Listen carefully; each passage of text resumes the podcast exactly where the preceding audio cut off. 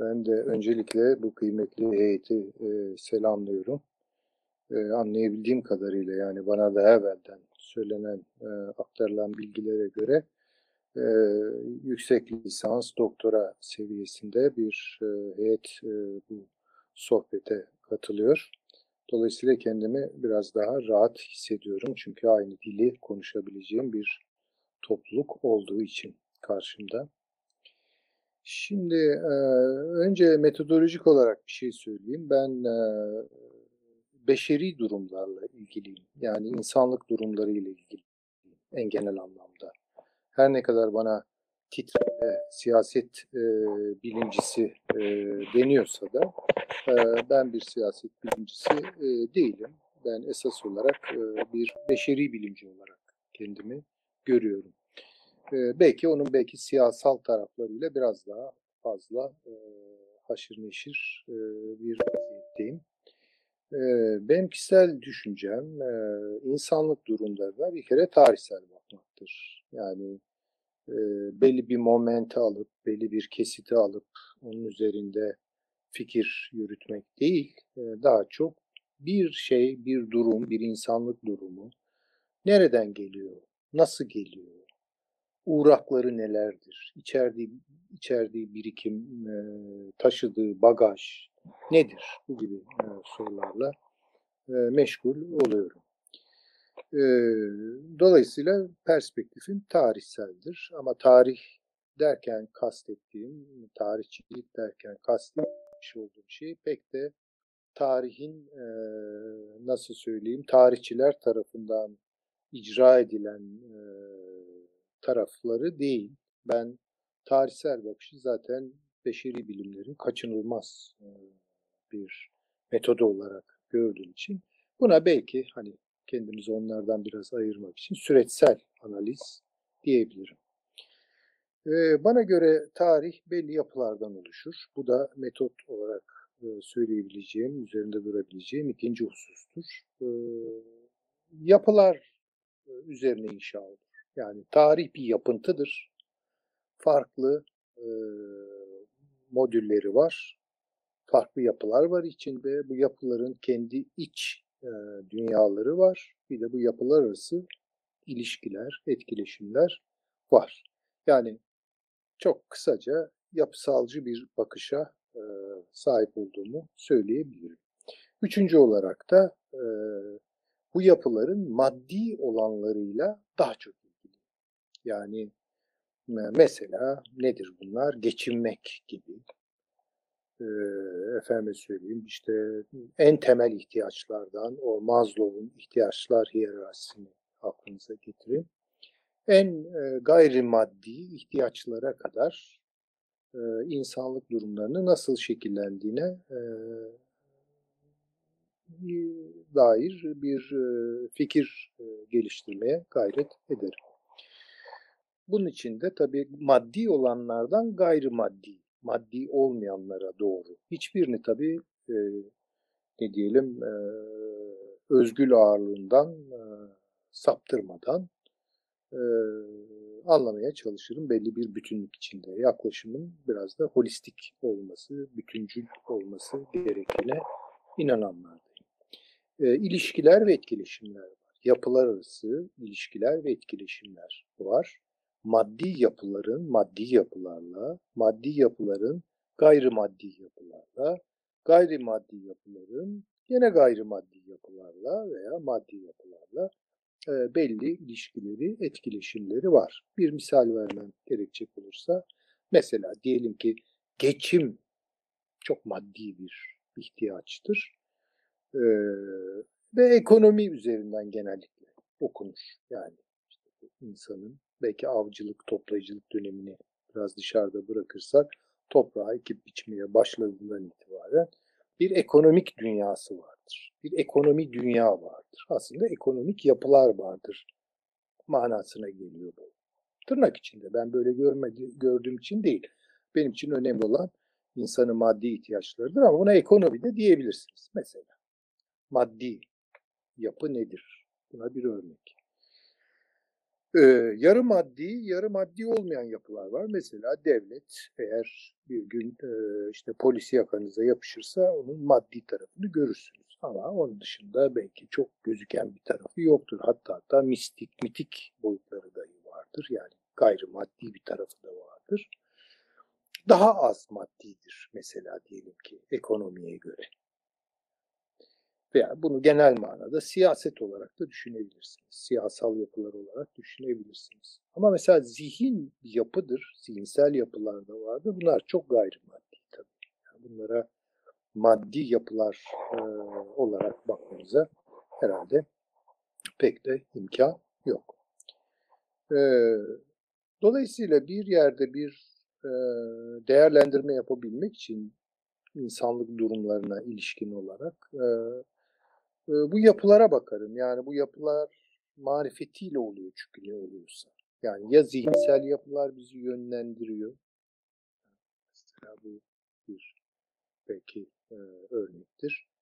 E, ya dışarıdan bir güç bizi yönlendiriyor ve praksis yani insan eylemleri e, bu yönlendirmeler üzerinden oluyor. Dışarıdan veya içeriden veya ikisi de çakışabilir bunu bilemem. Dolayısıyla yapılara bakmam gerekiyor. Şimdi tabii öncelikle e, maddi yapılar dediğimize göre mesela küreselleşme sürecini tartışırken e, hemen böyle kültürel analizlere girişmek, kültürel değerlendirmelerde bulunmayı çok anlamlı bulmuyorum. Çünkü kültür daha az maddi bir süreç. Maddi bir tarafı da vardır tabii ki ama daha çok böyle gayrimaddi taraflarıyla izlenim doğurur. Dolayısıyla oralarda yoğunlaşabilir. Mesela diyelim ki Z kuşağının zihniyet yapısı. İşte küreselleşme içinde bir inceleme alanı, bir değerlendirme alanı olabilir. Veya mesela kimlik siyasetleri veya kültürel talepler falan. Bunlar zaten miktarı kafi yapılıyor. Eksik olarak gördüğüm şey sürecin maddi boyutlarına dair pek bir e, akademik, entelektüel ilgi yok. Ha, bu konuda çalışanlar yok mu? Elbette var ama e, daha çok hemen bu işin böyle gayrimaddi tarafları e, baskın hale gelebiliyor. Modern dünya dediğimiz aşağı yukarı bir 250 senelik, belki 300 senelik, belki bazılarına göre 500 senelik falan bir tarih. Genel olarak insanlık tarihinin az bir kısmı çok yüzeydeki kısmını gösteriyor. Yani binlerce senelik uzun tarihlerin dışına çıkılıyor ve modern bir dünya inşa ediliyor. Ondan önceki dünyalar demek ki modern olmayan dünyalar. Evet demek ki eğer bir 15 bin senelik tarihi varsa insanlığın bunun 14.500 senesi gayrimodern. Yani modern değil. Ee, ama son 500 senesi kimilerine göre 300, 250 bilemem. Bana göre de 200-250 senelik bir hikayedir. Bir modern dünya var ve bu modern dünyanın içerisinde tabii elbette bir takım yapılar dolaşıyor. Ve biz bu yapılara doğuyoruz. Yani toplumsal yapılara doğuyoruz. Ee, veya ekonomik yapılara doğuyoruz. Veya kurumsal yapılara doğuyoruz ideolojik yapılara doğuyoruz, kültürel yapılara. Yani bir yapılar dünyasına doğuyoruz. Dolayısıyla bizim eylemlerimizi, düşüncelerimizi, kanaatlerimizi neresinden bakarsak bakalım belirleyen bu yapılardaki e, biriken ne varsa veya bu yapılar arası ilişkilerin bizdeki tezahürleri böyle bakılabilir. Çok uzatmayacağım bu metodolojik e, meselelerle ilgili kısmı. E, hemen sadede gelmek istiyorum. E, bana göre modern dünyanın belirleyici, birçok yapı var tabii modern dünyada ama belirleyici üç tane yapısı var. Bunlardan bir tanesi sermaye. Diğeri devlet. Diğeri ise ulus. Üç yapı var. Şimdi şöyle de söyleyebilirim. Mesela politik yapılar dersem devlet ve ulus zaten kendinden onun içine girer. E, devlet ve ulus onun içine girerse belki bunların arasındaki ilişkileri anlamakta zorlanabilirim. Mesela ulus devlet diye lafa başlarsam ulusla devlet arasında neler dönüyor? Bu iki yapı arasındaki ilişkiler nedir? Bunu biraz ihmal etmiş olurum. Ya ekonomi diyoruz. İşte bence ekonomi demenin de çok bir anlamı yok. Ee, modern dünya sermayenin hakim olduğu bir dünyadır. Yani illa ekonomi diyorsanız buna ısrarlıysanız bu konuda bir şey diyemem. Ama benim için işte Karl Marx'ın 19. asırda yazdığı kitap bir ekonomi kitabı değil. Onun düşünceleri açısından bakacak olursak. Ekonomi lafını zaten kendisi sevmez, kullanmaz da. Ee, üretim tarzı filan gibi laflar eder. Ama işte o başat yapıtının adı Das Kapital'dir. Yani sermayedir. Ekonomik dünya evet aslında sermaye dünyası. Yapıda sermayeye dönük bir yapı. Sermaye birikimi, dolaşımı, dağılımıyla ilgili meselelerin içinde yüzdüğü bir yapı. Ee, devlet diyorum, yani siyaset demiyorum. Yani, evet, belki onu da söyleyenler var ama devlet daha bence somut hale getiriyor süreci. Yani iktidar da diyenler çıkabilir, güç de diyenler çıkabilir. Bilemem yani bu kavramları tartışabiliriz ama devlet çok sağlam bir kavram. Bir çok eski bir kavram, çok oturmuş bir kavram. Yani onun için devlet diyorum. E nihayet ulus diyorum ama ulus derken kastetmiş olduğum şey bir tür politik entitedir. Bir tür politik kolektivitedir. Siyasal bir zatiyet olarak bakıyorum. Ve başat niteliği de kolektif olmasıdır. Yani herkesi içermesidir. Bir futbol tabiriyle konuşacak olursam modern dünyada top bunların arasında döner. Yani devlet ki o tabii artık modern devlettir. Sermaye ve ulus. Şimdi akla şöyle bir soru gelebilir. Ya bundan evvelki zamanlar yani modernleşme öncesi zamanlarda madem futbol terimi kullanıyorsun ne derdin? Top nerelerde dönüyor der e, ne, nerelerde dönüyor diye soracak olursanız onun da cevabını vereyim. Çok kısaca ve e, nasıl söyleyeyim kompakt bir şekilde. Evet gene devlet var ama kadim bir devlet var. İki, servet var. Sermaye değil. Ve tebaalar var. Bu kadar. Yani şöyle hemen bir çıkarsama yapabiliriz. Bir, devlet kadim devlet olma vasfından çıkıyor. Modern devlet oluyor.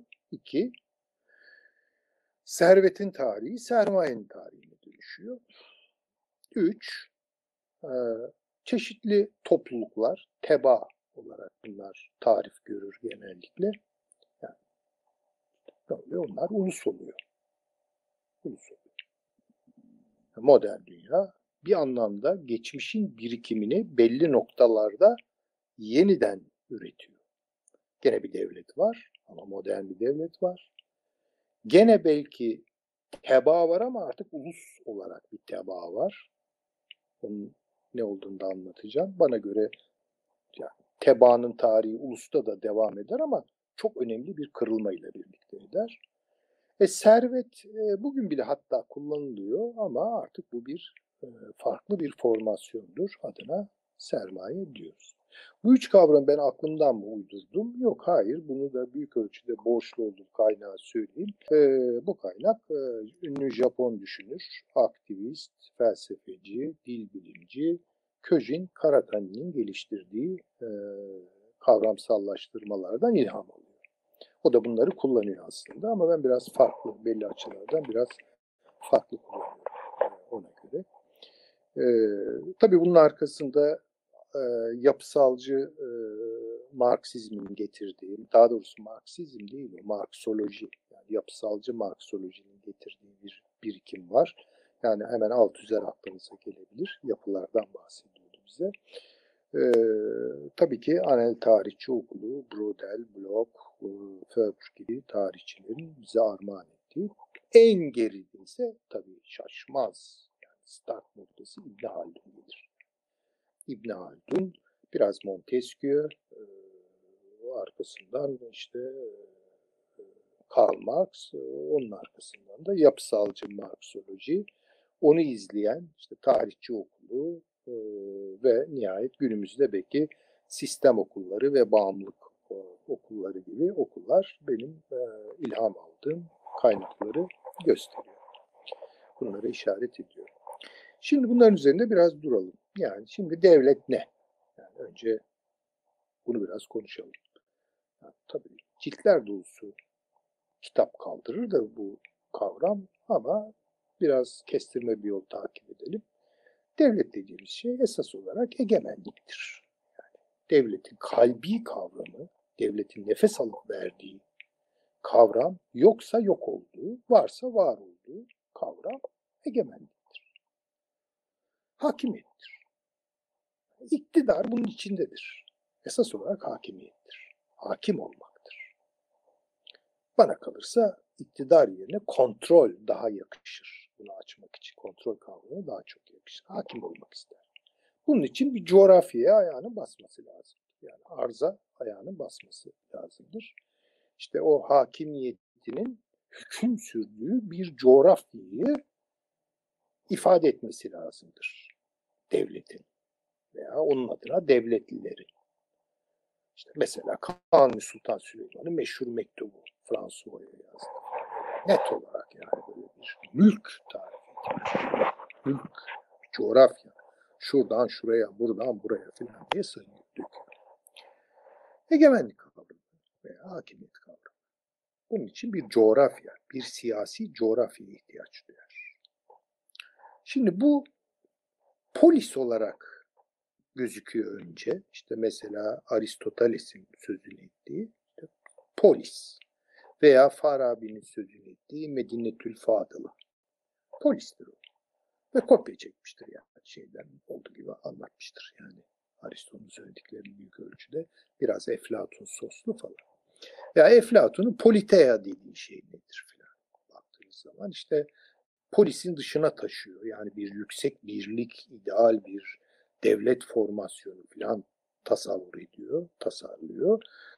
Belki oradan polisin büyük ölçekli e, örüntülerine gideriz. Bunu mesela Immanuel Wallerstein sistemci okul mini sistemler ve imperium, imparatorluklar olarak ayırır. Yani sonuçta egemenliğin ölçeğiyle ilgilidir. Yani Aristo'ya göre ideal ölçek şehir devletidir. Bu mini sistemdir. Yani, ama Roma'ya göre ne bileyim işte koca bir imparatorluk mülküdür. Yani bir tarafı İtalya'dır, bir tarafı bugünkü e, adalardır, Britanya adasıdır. Öteki tarafı bilmem Suriye'dir, Mısır'dır falan böyle büyük büyük coğrafyalar falan. Buralarda hakimiyet kurma meselesi. İster bir mini sistem veya ister bir imperium ölçeğinde bakalım. Devlet belli bir coğrafyada hakim olma iddiasıdır. Buraya kadar bir şey yok. Peki modern devlet nedir? Modern devlet de budur.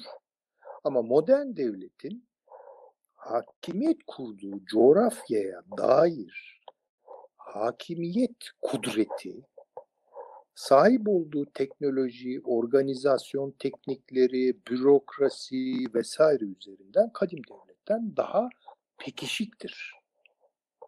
İşte gümrükler uygular, sınırlar çeker, işte ne bileyim vize uygular, ondan sonra işte bütün bir o tanımladığı, tarif ettiği coğrafyayı böyle belli bir merkeze yollarla bağlar, vali gönderir, kaymakam gönderir.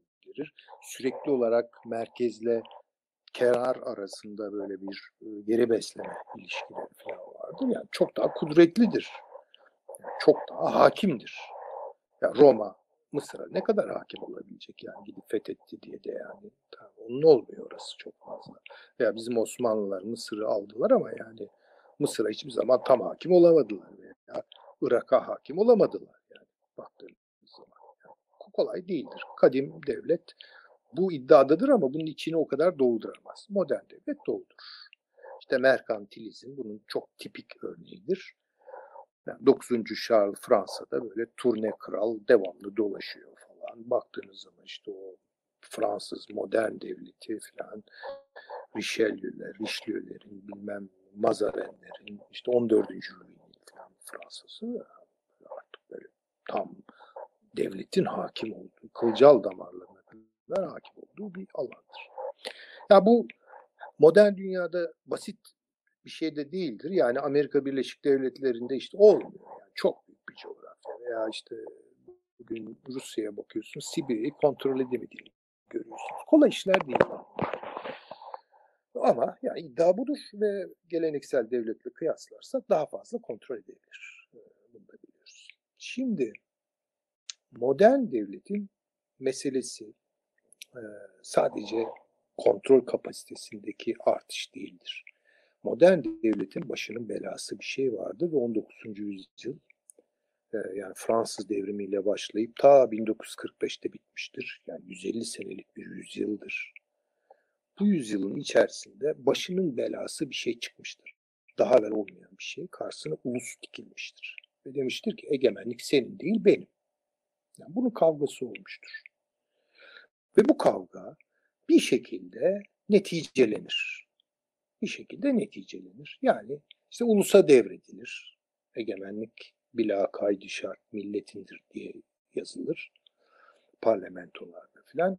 Millet de egemenliğe sahip olduğunu falan zanneder. O kadar kolay değil. Yani devlet çok şey bir birikimdir yani.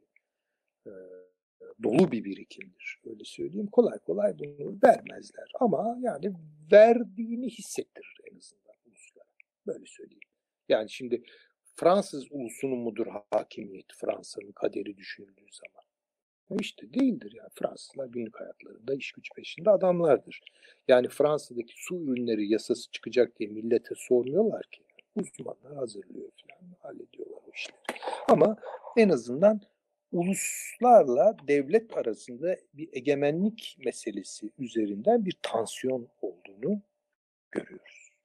Böyle bir sıkıntı var. Kavgalı iki yapı yani. Biz bugün çok rahat ulus devlet diye geçiveriyoruz. Öyle o kadar basit değildir o işler.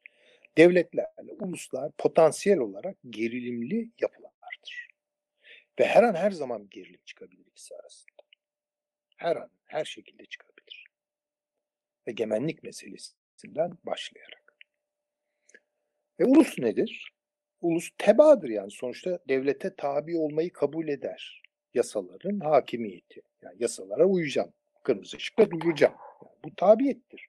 Dolayısıyla beni teba yapıyor zaten.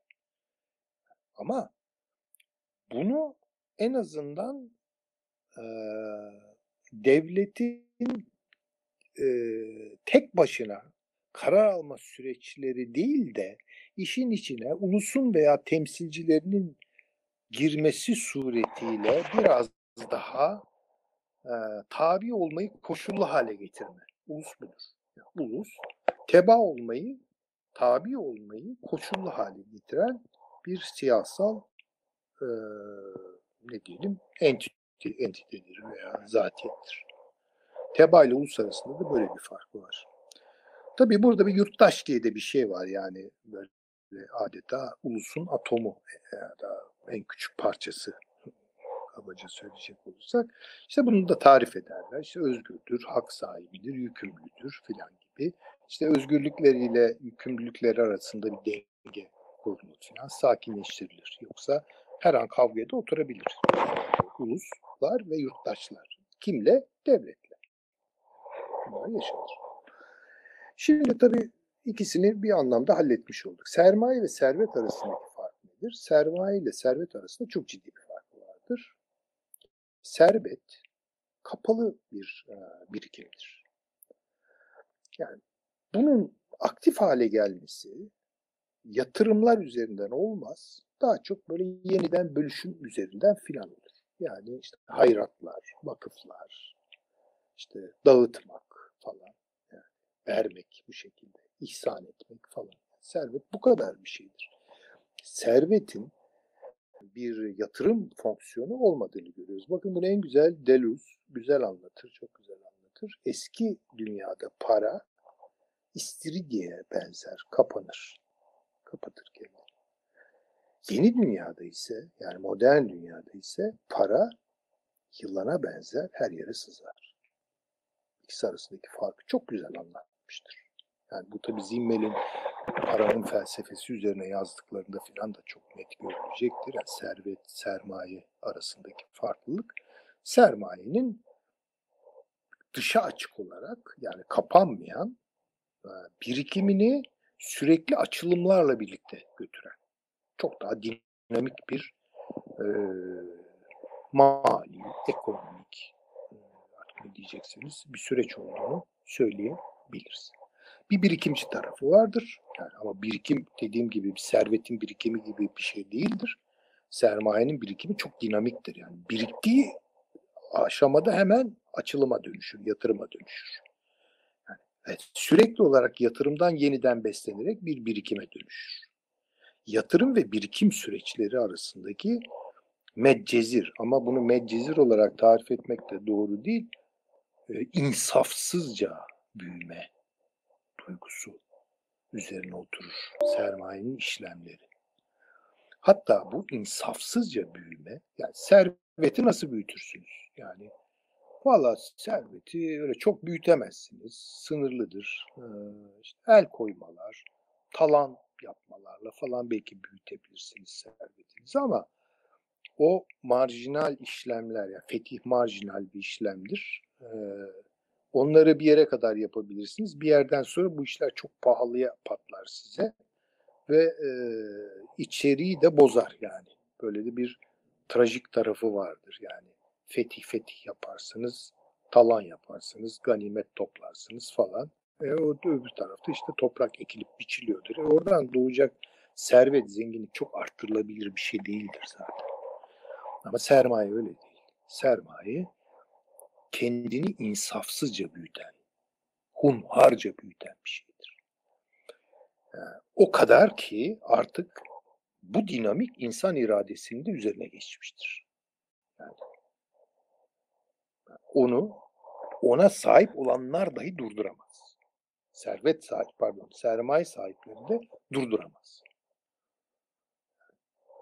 Durdurursa zaten ligden düşer. Ayakta kalmak istiyorsa onu büyütmek zorunda. İstese de istemese de bunu yapmak zorunda. Karl Marx buna çok güzel bir kavram armağan ediyor. Fetiş kavramı. Biliyorsunuz fetiş şöyle bir şeydir.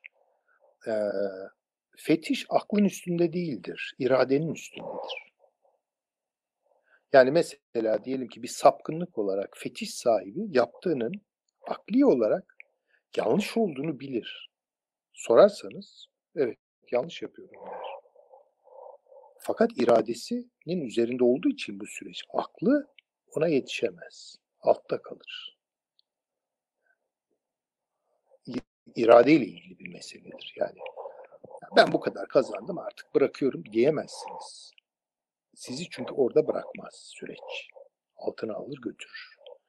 Biz tabii sermayenin bu dünyaya çektirdiklerini çok iyi biliyoruz. Yani işçi sınıflarına, çalışanlara falan ama yani sermaye öyle bir süreçtir ki onun diyelim ki sözüm ona ayrıcalıklıları, sahipleri falan da çok aslında sefil bir durumdadırlar. Yani kendi çok kontrol edemedikleri, belki içlerinden onu durdurmak istedikleri e, anlarda bile bir şey yapamadıkları durumları yaşarlar. Yani. Buna yabancılaşma diyor zaten Karl Marx. Yani yabancılaşmanın tarihi bir anlamda işte bu ilişkilerde doğuyor. Yani sermayeye özgü iş ve işlemlerde doğuyor. Buna da iktisat diyorlar yani. Bunu olanlaştırmanın adına iktisat diyorlar daha doğrusu.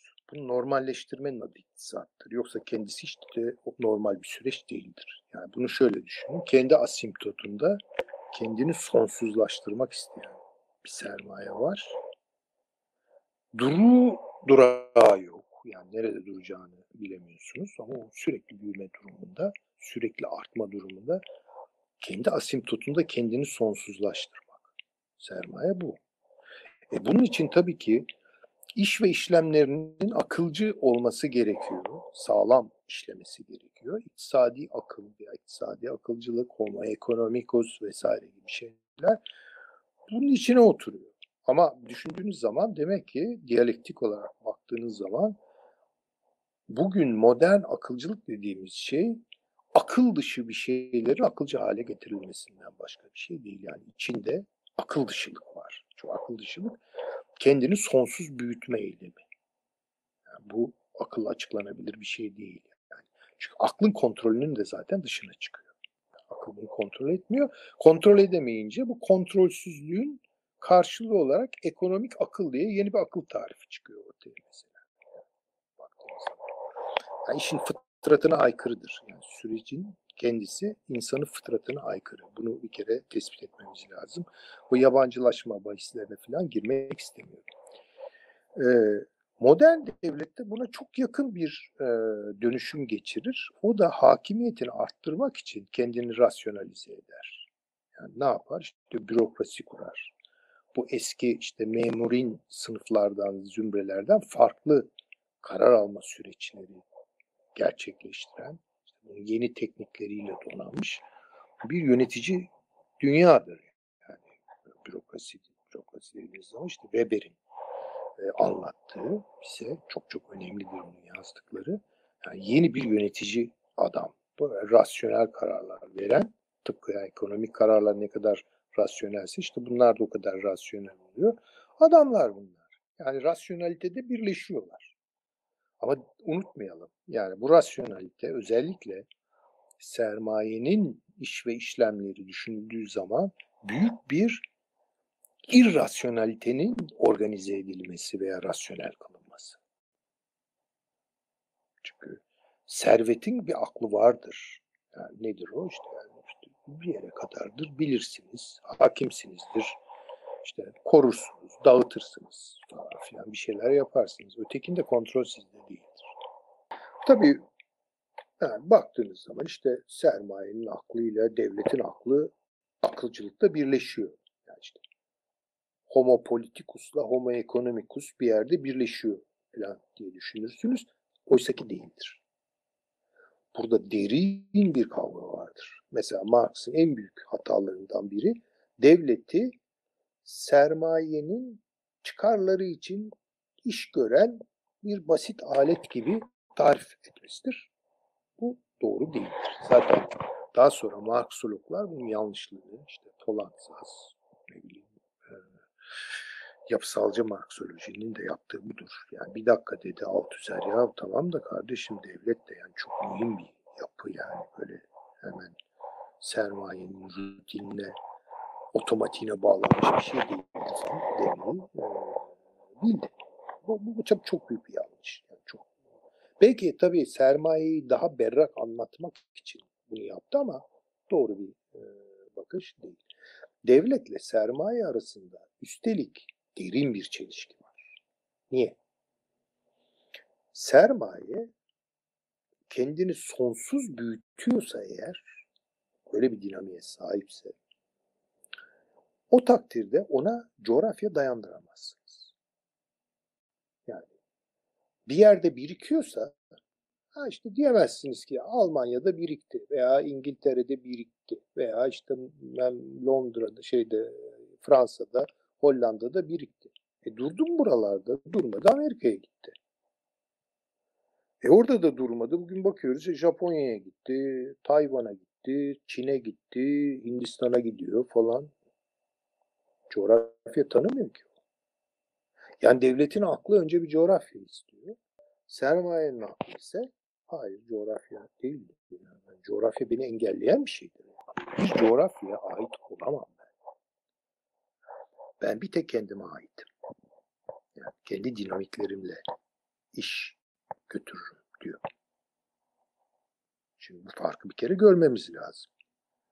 Yani devlet de kendini büyütmek ister. Ya nereye kadar büyüteceksin yani? Bütün bir dünyaya hakim olsan ne kadar onu kontrol edebileceksin? Mesela Cengiz Han nerelere gitmedi ki? Veya İskender nerelere gitmedi ki?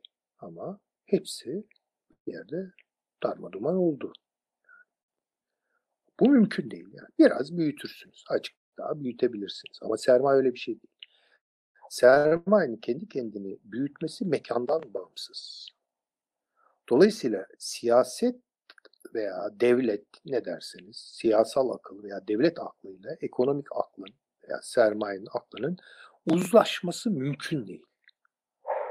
Hatta ben bunu biraz da böyle kimyadan ilham alarak söylüyorum. Yani devlet tarihin katı formudur.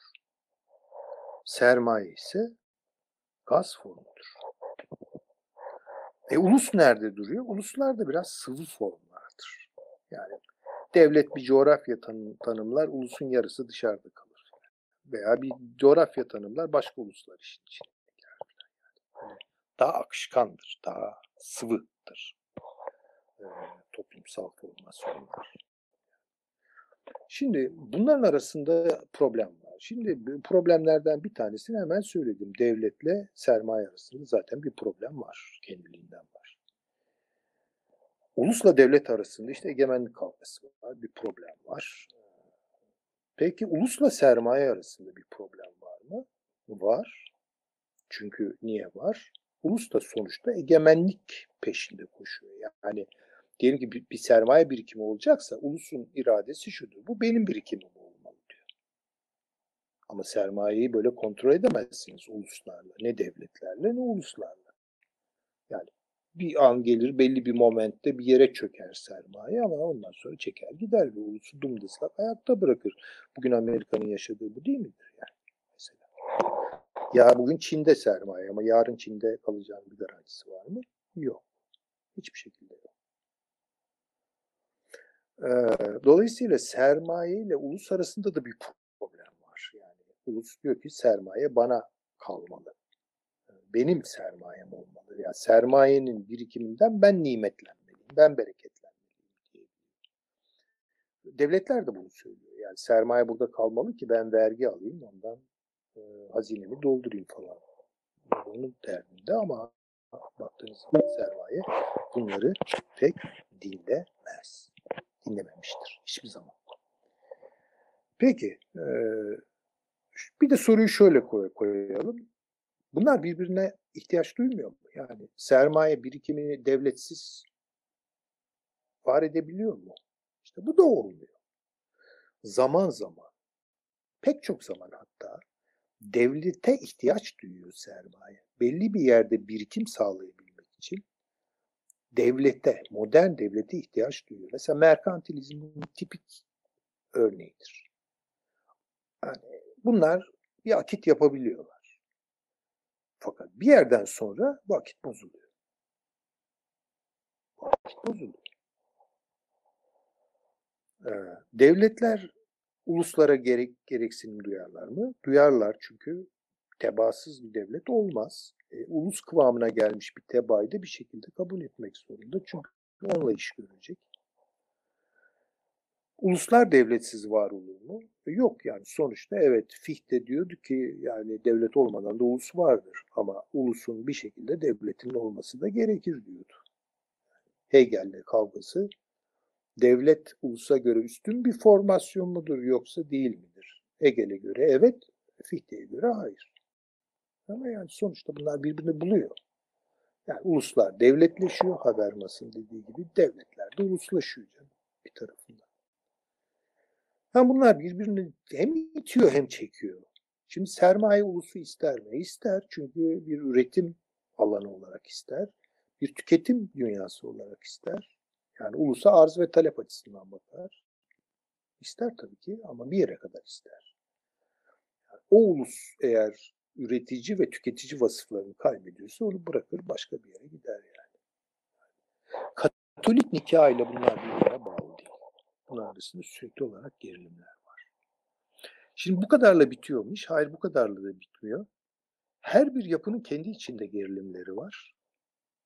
İşte sermayenin mesela şöyle bir gerilimi içinde yaşadığını görebiliyoruz. Yani imalat ekonomisine dönük sermayeyle veya enerji e, yatırımları yapan firmalarla ne bileyim işte hizmetler sektörü arasında veya finansal e, ekonomiyle reel ekonomi arasında belli gerilimler ortaya çıkabiliyor. Şirketler para şirketlerine kızıyorlar bizi çok fena borçlandırıyorsun. Aslında aynı kabın içindeler ama aralarında bir problem oluyor demek ki. Veya devletin içinde işte elit dolaşımları sırasında yaşanan krizler, eski elitler, yeni elitler, bürokrasi, teknokrasi kavgaları vesaire gibi şeyler. Bunlar yaşanıyor yani. Ulusun içinde kavga yok mu? E uluslar uluslarla kavgalı ama ulusların içinde de sınıf kavgaları var. Bunu ne yapacağız? Ne? Kavga oluyor. Yani hepsi aslında gerilimli alanları oluşturuyor. Yapı demek yani böyle dört başı mamur, barışa ermiş, içinde sükunetin e, hüküm sürdüğü bir yapı değil. Yapı krizlidir. Daima gerilimlidir. Kendi içinde birbiriyle. Devletler devletlerle, Devletler uluslarla, uluslar uluslarla, uluslar devletlerle, sermaye uluslarla, sermaye devletlerle sürekli olarak bu gerilimleri görürüz. Modern dünyanın dinamikleri, daha doğrusu diyalektiği de bu gerilimlerden besleniyor. Şimdi bu üçü arasındaki ilişkilerin belli e, optimalitelerde ya da karşılıklı tatminlerde dengeye gelebildiği durumlar var. O dengenin bozulduğu durumlar var. Mesela merkantilizm, devlet ve sermayenin birlikte iş yaptığı bir, bir süreç. E sonra bozuluyor. Sonra bozuluyor. Sermaye devletten şikayet etmeye başlıyor. Beni engelliyorsun, beni bürokrasiye boğuyorsun, gelişimimi işte sekteye uğratıyorsun filan demeye başlıyor. Yani kontrolsüz bir sermaye ise devlet tarafından lanetleniyor. Yani bürokrasi bunlar işte vatan haini, devlete isyan ediyor, kaçıyor, gidiyor vesaire filan. Kızıyor yani mesela. Sermaye kızan devletler var. Mesela baktığınız zaman bugün Amerika'daki kavga bir anlamda o. Nereye gidiyor yani Amerikan sermayesi falan. Yani düşündüğünüz zaman. Bunlar arasında kavgalar oluyor. Şimdi e, ben bu şeylere bakıyorum tarihsel olarak yani dengeye gelme durumlarına bakıyorum. Görebildiğim kadarıyla iki tane denge kuruldu bunların üçü arasında. Bir tanesi çok üçü değil yani ikisi devlet ve sermaye arasında merkantilist süreçler. İşte kameralizm diyorlar, aydın despotizm diyorlar vesaire işte o süreçler. Yani 16. yüzyıl, 17. yüzyıl, 18. yüzyıl evet. 19. yüzyılda ulus devlet kavgası başladı ve sınıf kavgaları başladı. 19. yüzyılda bunların kavgasını gördük. Sınıf savaşları, ulus savaşları, ee, devletlerle devletlerin savaşları, uluslarla ulusların savaşları ama ulusların içindeki savaşlar, sınıf savaşları hepsi böyle bir kokteyl gibi karşımıza çıktı. Çözüldü çünkü. Merkantilizm çözülüyor çünkü. Fransız devrimi onun çözülme startını verdi zaten. Sonra e sonra belli kriz anlarında gene belki yaklaşıyorlar birbirlerine e, belli oydaşmalar ama sonra gene ayrışmalar. Ama ikinci olarak bence büyük tarihsel ittifak bu üç unsur arasında İkinci Dünya Savaşı'ndan sonra yani 20. yüzyılın başladığı 1945'te sağlandı. Ee, hakikaten müthiş bir konsensüstü. Ve bu konsensüsün arkasındaki e, fikir ise Keynes'in e, kurduğu sistemdi. Yani makroekonomi derslerinde öğretilen tam istihdam, büyüme, kalkınma. Buna bir dördüncü şey daha katmak gerekirse yeniden dönüşüm. Ve bu biliyorsunuz duvarın yıkılmasıyla birlikte 1990'da çöktü. Ondan sonra yeniden işte devlet, ekonomi kavgası başladı. Ee, işte ulus içinde bir takım yeni kriz alanları ortaya çıktı. Yurttaş profili üzerine belli tatminsizlikler açığa çıktı. Kültür kavgaları başladı vesaire. Demek ki yani üçü arasındaki nikah feshediliyor. Yani Katolik nikah değil demek ki yani. Şimdi o zaman soru şu. E, merkantilist dönemden e, iki Dünya Savaşı'nın bittiği e, 20. yüzyıla geçiş ve 20. yüzyılın 1990'larda sona ermesi yani 40 senelik yüce bir çağdır 20. yüzyıl. Ondan sonra işte 21. yüzyıl. Bunda küreselleşme kavramıyla falan genellikle selamlıyoruz, tartışıyoruz falan. Bu denge durumları nerelerde kuruluyor, nasıl kuruluyor ve nerelerde çözülüyor demek ki. Yani esas soru budur. Benim tabii üzerinde duracağım 19. yüzyıl esas olarak merkantilizmin çözülmeye başladığı yerde ortaya çıkan tabloyu doğru resmetmektir. 19. yüzyılın bir anlamda zaman ruhunu iyi yakalamaktır. Şimdi bununla ilgili benim e, arkama aldığım düşünür e, Rosa Luxemburg'dur. Rosa Luxemburg e, özellikle Sermaye Birikimi kitabında e, bu işin senaryosunu aşağı yukarı ortaya çıkardı. Şöyle. Şimdi sermaye ile başlıyoruz. Sermaye kendi asimptotunda kendini sonsuz büyütmek. Güzel. Peki. Bu büyüme ne üzerine oluyor? Karı maksimizasyon üzerine oluyor. Bu da güzel. Peki. Ben bir sermaye girişimcisi olarak karı maksimize etmek için maliyetlerimi düşürmeliyim. Güzel. Bu da iyi. Yani ekonomik akıl açısından, hesap açısından. Peki sermaye, e, pardon maliyetlerimi nasıl düşüreceğim? E, işte emeği ücretlendirdim ya, ücretleri kısacağım. Yani süründüreceğim. Çalıştırdığımı süründüreceğim. Sürüne sürüne, süründüre süründüre çalıştıracağım. Güzel ama e, bu adamlar peki işi bırakırsa yok.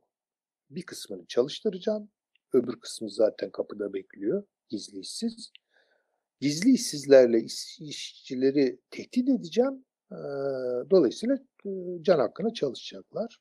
Ve benim karımı maksimize etmeme e, üretim fetişi içerisinde işte fetiş e, üzerine düşeni yapmaya ikna edeceğim. Pek güzel. Müthiş bir üretim yaptım. Kar bekliyorum. Bunun için onu tükettirmem lazım. İyi de adamların alım gücünü yemişim ben bir tarafta yani. Öyle bir şey yapmışım ki adeta kuyruğumdan beslenmişim. Veya bacağımı yiyerek filan karnımı doyurmuşum. Çünkü elinde kalıyor. Yani satamıyor onu. Alıcı yok. E bu sefer ne oluyor? Durgunluk oluyor. Sonra kriz oluyor. İşletmeler kapanıyor. Herkes işini kaybediyor. E, peki nasıl bu döngü işleyecek yani bu süreci yeniden nasıl ayağa kaldıracaklar? Bunda bir tek yolu var. Savaş. İşte Rosa Luxemburg Almanya'daki Spartakist hareket bunu görmüştü. Bunu Marx göremedi o kadar. Ama Rosa Luxemburg gördü. Ve şunu söylediler. Birinci Dünya Savaşı'na gidiyoruz. Aman yani ey e, Almanlar, ey Fransızlar savaşmayın. Ulusa sesleniyor. Çünkü senin ulus adına öldüreceğin, senin akıbetini paylaşan, senin mukadderatını paylaşan Fransız işçisidir. Siz birbirinizi niye öldürüyorsunuz? Ya bu yeniden kapitalizmi ayağa kaldırmak için başvurulan bir yöntem. Bahaneleri çok.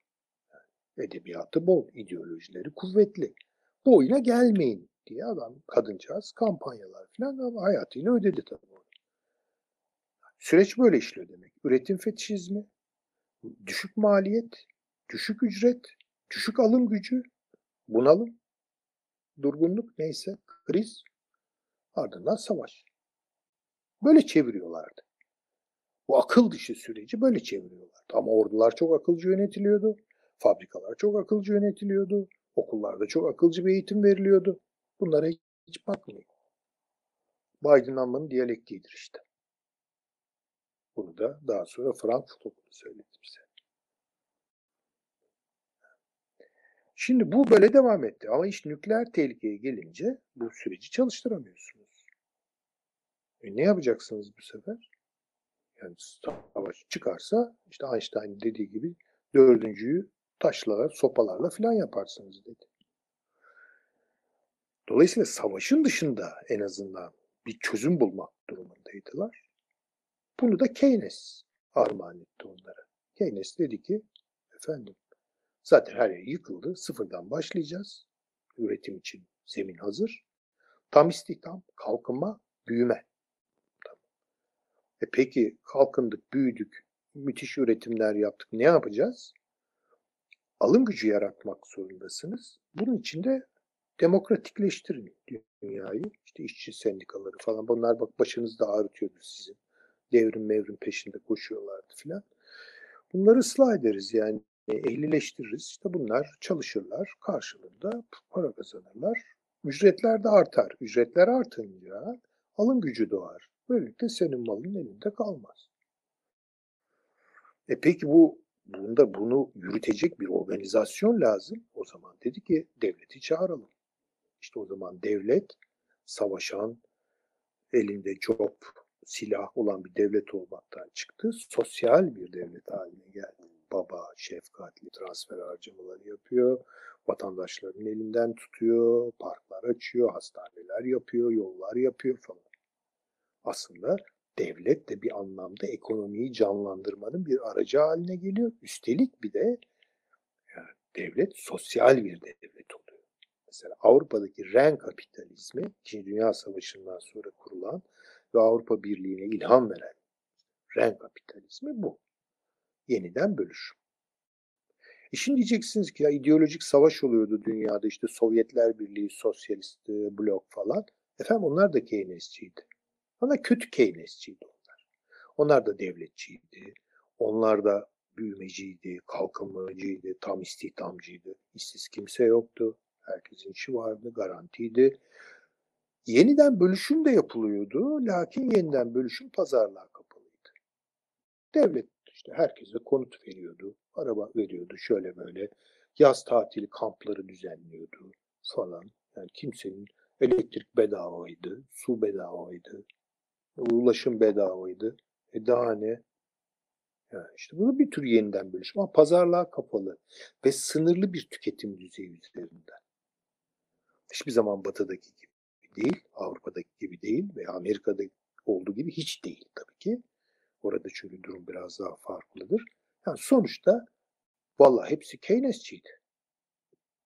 Yani o ideolojik kavga demek ki bir kayıkçı kavgasıydı. Tehlikeli bir kavgaydı tabii de. Yani ama esası böyle derin bir farklılık üzerine falan kurulmuyor. Zaten 1970'lerde yanılmıyorsam Nixon söylemişti. Demişti ki aslında hepimiz Keynesçiydik. Keynesçiliğin türleri var.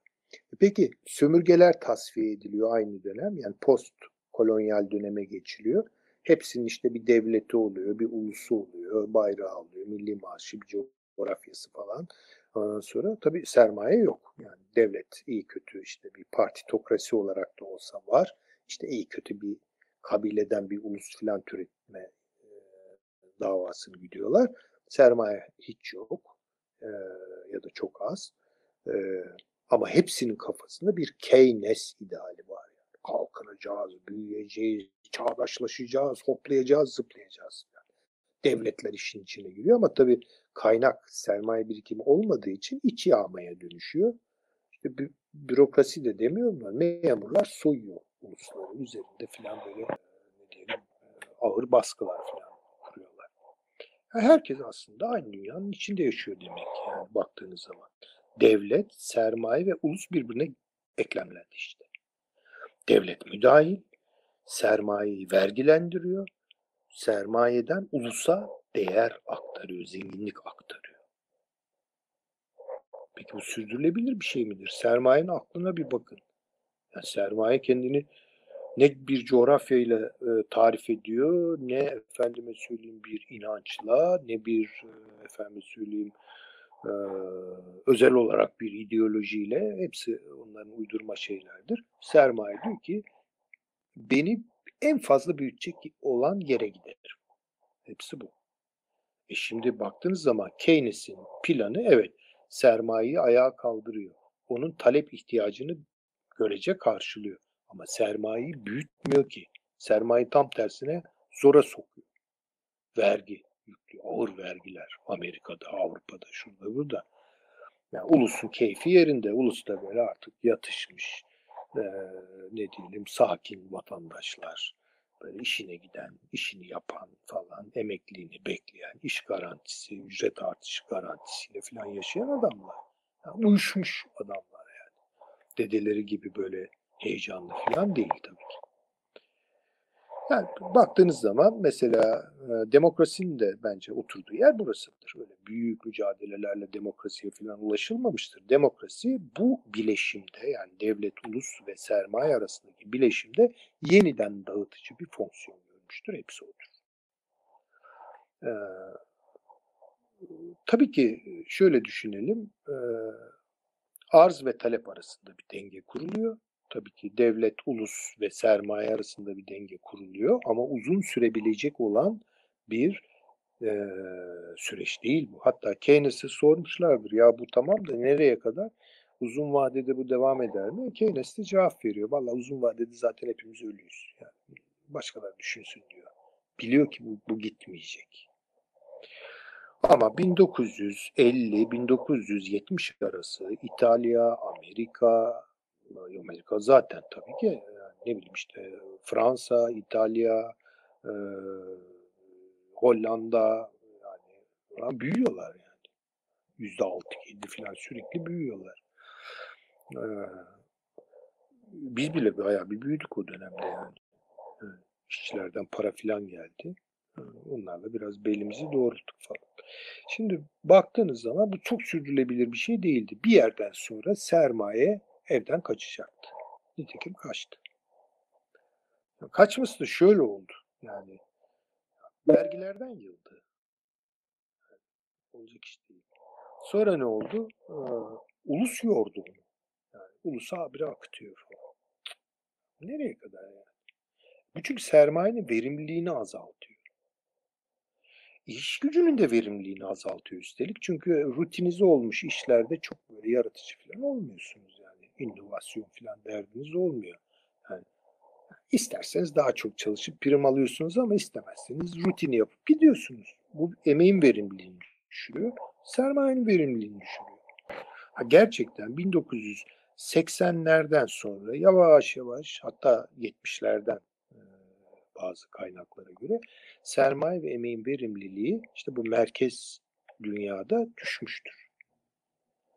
Şimdi o zaman gidecek yer arayacak tabii sermaye. Yani bunun için bir yerin çözülmesi lazım, yıkılması lazım. Yani bu yapının en çürük olduğu yer neresi olabilir? İşte Sovyetler Birliği oradan başladı. Tabii biz bunu küreselleşmenin zaferi, Amerika Birleşik Devletleri'nin zaferi, Batı'nın zaferi, liberal değerlerin zaferi gibi e, anladık. Halbuki öyle bir şey yok. Orada bir şey çöküyorsa bugün değilse bir süre sonra Amerika'da da çökecektir. Çünkü aynı sistem. Bu bir dünya sistemi. Yani bu, bu sistem ağır bir e, iddiayla doğdu ama o ağırlığın altında kaldı. Uluslar bu ağırlığın altında kaldı, devletler bu ağırlığın altında kaldı. Sermaye de bu ağırlığın altında kaldı ama sermaye bir gaz formu gider. Diğerleri ise enkaza dönüşür. Devletlerin halini 1990'larda düşünürseniz hep şudur. Bürokrasiye boğulmuş hantal yapılar. E çok iyiydi hani devlet sosyalde size her şeyi... Hayır hayır hayır. Devletler küçültülmeli, minicik yapılmalı, badem gibi yapılmalı falan. Yani neoliberal tezlere bakarsanız hep bunları görürüz. Uluslar, bir dakika ya bu ne ulus dediğiniz ya bunlar ağır demografik yapılar. Yani bunlar şişirilmiş yapılar. Bir dakika ulusun içine bakalım yani bir röntgenini çekelim. Ne görüyoruz orada? Aa etnik topluluklar varmış. Aa işte kadın erkek e, gümbürtüye getiriliyormuş. Halbuki yurttaş kimmiş? Yani şöyle soyut bir yurttaş mı olurmuş? Yani kadın var ama bir de erkeğin ezdiği bir kadın var. Ee, aa eşcinsellere iş verilmiyormuş falan. Aa işte şurada şu dinsel topluluk e, zor durumda bırakılıyormuş. Yani e, ulusları bir anda böyle nasıl diyelim degrade ettiler yani. yapay, suni, lüzumsuz bir oluşum yani. E devletler bürokrasi. Umut nerede? E umut sermayede. Ve onunla birlikte artık el ele dolaşmaya başlayan, onu dışarıdan ayartan teknoloji de. Hemen bir ekonomizm, hemen bir teknolojizm filan. Böyle gitti bu işler. İçeride herkes kavga ediyordu. Yani kültürel kavgalar başlamıştı. E, mezhepler arası, dinler arası, cinsler arası, yani ulusu içinden çözebilecek ne varsa, sicilinde yatan ne kadar arıza varsa hepsini faş ettiler. Açığa çıkarttılar. Ulusu bir üretim alanı olarak bozdular. Da işte neydi? Ağır sanayi dedim sanayi toplumuydu. Ulus sanayi toplumuyla birlikte var. Ernest Gellner'in söylediği gibi. industrial bir şeydir yani. Evet, o çözülünce öteki de kalmaz zaten. E bu enkazdan neler çıkar? E neler çıkmadı ki yani. Herkes kavga etti. Ama herkes zannediyordu ki ev yıkılmadı. Onun içinde böyle oda kavgaları falan yapılıyor. Halbuki bir enkazın içinde kavgalar gidiyordu. Yani kim kazansa evsizlik zaten onu da bekleyecek olan bir süreçti. Devletler böyle bir utandırıldı bürokrasiler falanlar işte hantal, sümüklü böcek gibi falan yapılar gibisinden. Yani demek ki sermaye bodoslama girdi bunlara yani. Açık açık bir şey bu. O ara ne oldu? O ara sermaye hızlı bir şekilde merkez ülkeleri terk etti. Hani nasıl bir zamanlar İspanya'yı terk edip Hollanda'ya gittiyse, daha sonra Hollanda'dan Büyük Britanya'ya gittiyse, nasıl oradan Amerika'ya gittiyse, nasıl oradan Amerika'nın kontrolünde de olsa Japonya'ya falan gittiyse en son Çin'e gitti. Şimdi bu ilk başta tabii şöyle karşılandı. Yani Çin'le işte emek yoğunluklu pis şeyleri falan halledecek. Yani böyle, böyle sınıf savaşları falan onun içinde kalacak. Zaten sopa zoruyla hükmediyor. Biz ise işte ARGE avantajlarımızı, teknolojik avantajlarımızı, üstünlüklerimizi kullanarak şeye devam edeceğiz. Yani hayatın nimetlerini tatmaya devam edeceğiz. Ama öyle de olmadı. En son aşamada biliyorsunuz teknolojik üstünlüğü ele geçirdi. Sermaye yoğunluklu yatırımlarını arttırdı. Çin ve bugün Amerika hakikaten berbat bir hale düştü. Avrupa'nın hali ortada. Bu işler böyledir. Expansion of capital diyordu Karl Marx buna. Doğru. Expansion. Sürekli expansion. Gider yani. Gider. Nereye konacağı da belli değildir. Aslında bellidir de yani kıstaslarını, kriterlerini iyi bilmemiz gerekiyor. Bugün bu üç yapı birbiriyle kavgalıdır. Bu net olarak. Uluslar kendi içinde kavgalıdırlar. Devletlerin içinde tabii belli elit dolaşımları açısından işte kavgalar falan oluyor ama devlet biraz daha katı bir form olduğu için bunu çok açığa vermiyor. O sıvı formda çok açığa çıkıyor. Şimdi tabii e, bu mesele, bu çözülme süreçlerini ne ayakta tuttu? Yani bunun bir çözülme olduğunu bize hissettirmeyen neydi? En son bunu da vurgulayıp e, bitirmek istiyorum. O da şuydu. Bu arz talep arasındaki mahut çelişkisi sermaye birikiminin. Yani bu, bu bir türlü birleşmiyor bu. Bakın bunu önce savaşla hallettiler. Sonra yeniden bölüşüm denendi. Üçüncü aşamada yani sermayenin bu coşkun açılımı yeniden yani bunu neyle ayakta tutacaksınız? Yani peki tüketim nasıl olacak? Yani ne diyelim e, talep nasıl ayakta? Çünkü yeniden bölüşüm yapmıyorsunuz artık yani böyle bitti sendikalar filan, sol partiler, şunlar bunlar tuzla buz oldular. Peki nasıl olacak bu? Orada da monetaristler yetişti imdada ve dediler ki verelim, basalım parayı verelim. Herkesi borçlandıralım. Yani bir şey almak mı istiyorsun? Sen yeter ki iste. Hemen bir kredi kartı seni bulacaktır ve sen takıp onu post makinesine istediğini alıp çıkıp gideceksindir. Ha, yarın bütün bunlar kümülatif olarak karşına borç e, gelecek ama o an düşünmüyorsunuz ki. Yani sonra, sonra da iş işten geçmiş oluyor tabii ki. E siz tabii borcunuzu ödeyemezseniz size el koyarlar. Mülksüzleştirirler. Süreç böyle işledi. Bu da üçüncü yol. Yani savaş, yeniden bölüşüm ve borçlandırma. Bu borçlandırma işini köpürtmek için tüketimi köpürttüler. Dolayısıyla biz dedik ki aha üretim toplumundan çıkıyoruz tüketim toplumu. Ya tüketim toplumu üzerine bir ulus kurulur mu? Üretim toplumu üzerine kurabilirsiniz. Tüketim toplumu üzerine ulus kurulmaz. Çünkü tüketim standartları bellidir.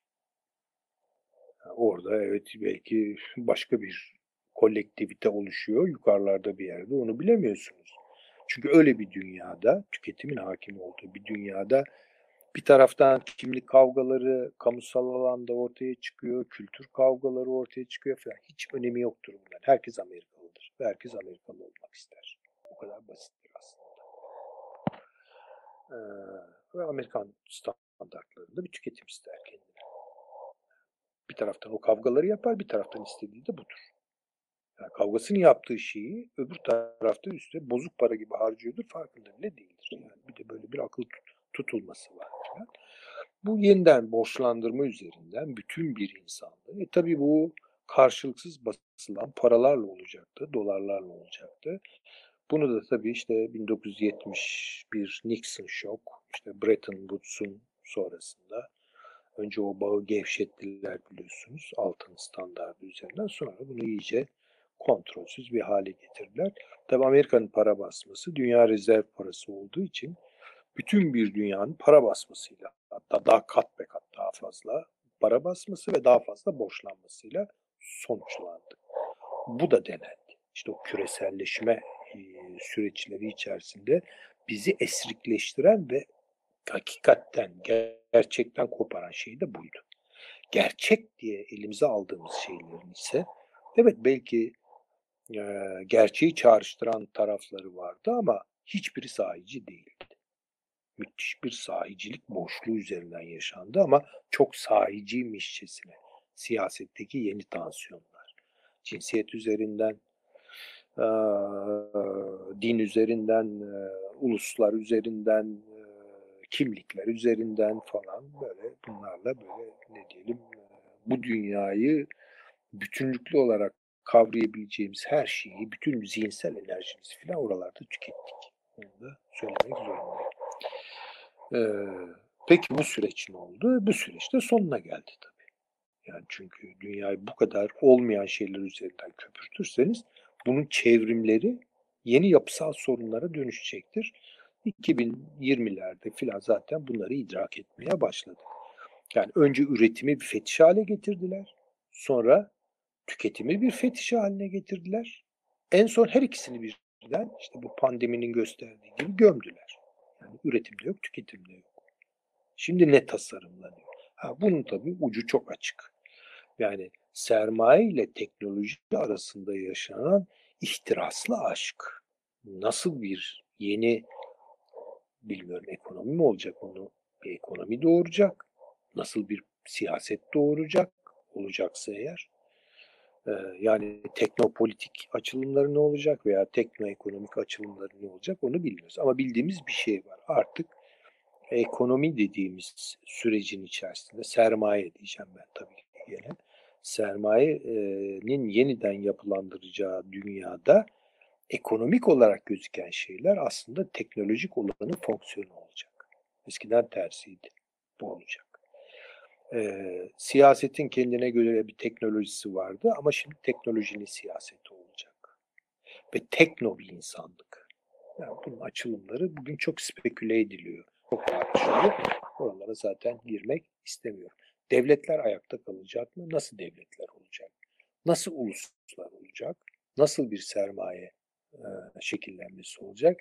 Bunların arasındaki ilişkileri takip etmek tabii benim ömrümü kat kat açıyor, benim göreceğim şeyler değil ama bundan sonra görmek isteyenlere dönük bir perspektif bırakabilirsek ne mutlu bu sunumlarla birlikte diyelim ve sözü kapatalım, e, bitireyim.